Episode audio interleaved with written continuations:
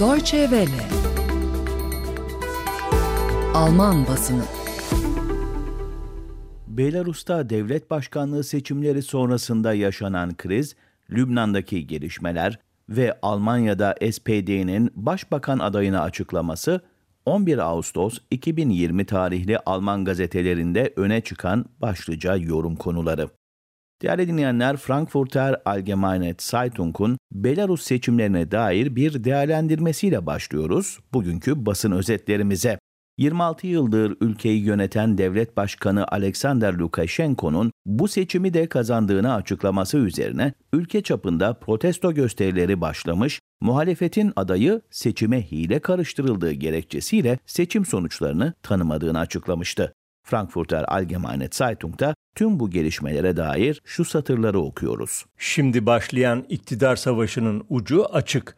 Belarus'taki rejim karşıtları hiçbir zaman hayallere kapılmadı. Lukashenko iktidarını koruyabilmek için her yola başvuracaktır.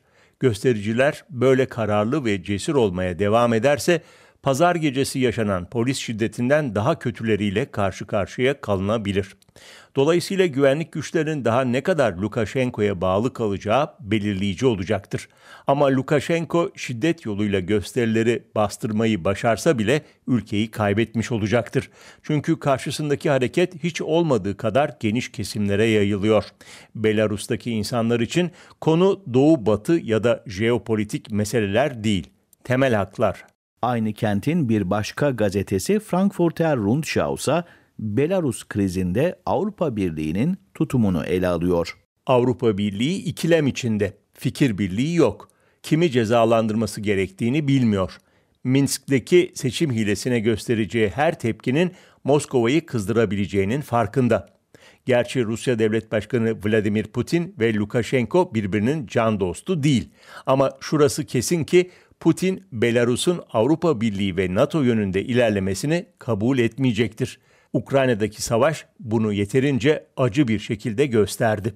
Değerli dinleyenler, Beyrut'ta geçen hafta meydana gelen ve 150'den fazla kişinin ölümüne neden olan patlama farklı boyutlarıyla gazetelerde yer almaya devam ediyor. Konuyu irdeleyen gazetelerden biri olan Neues Deutschland, patlama sonrasında uluslararası toplumun tutumunu eleştiriyor. Uluslararası politikanın Lübnanlıların ihtiyaçları konusundaki tavrı utanç verici. Ülke ekonomisi yıllardır çöküş yaşıyor. İstikrarsız barış ortamı yıllardır kırılma tehlikesiyle karşı karşıya.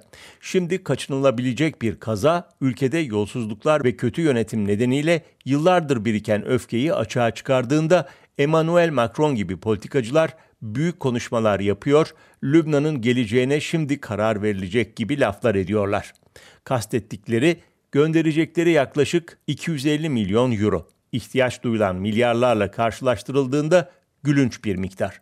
Kaldı ki bu kadar büyük miktarlara ihtiyaç duyulmasında uygulanan yaptırım politikalarının da payı var. Son olarak Alman iç politikasına dair bir yoruma yer vereceğiz basın özetlerimizde sayın dinleyiciler. Kölner Stadt Anzeiger gazetesi Sosyal Demokrat Parti SPD'nin 2021'deki parlamento seçimleri için başbakan adayını ilan etmesini değerlendiriyor.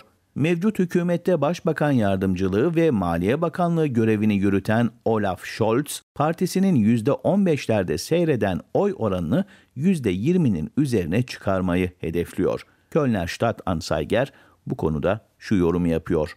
Scholz'un önündeki en büyük sınama partisi SPD'nin mevcut güçsüzlüğüdür. Kendi gücü yokken potansiyel müttefiklerin ne yararı olur ki? Bu nedenle ilk hedefi SPD'nin anketlerdeki kötü durumunu iyileştirmek olmalıdır.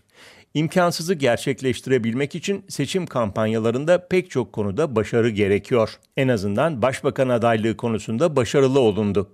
Önceki yıllardan farklı olarak bu sefer partililer aynı çizgide buluştu. Scholz'un binayı bunun üzerine kurması gerek. Bu satırlarla birlikte Alman basınından yorum özetlerinin bugün de sonuna geldik.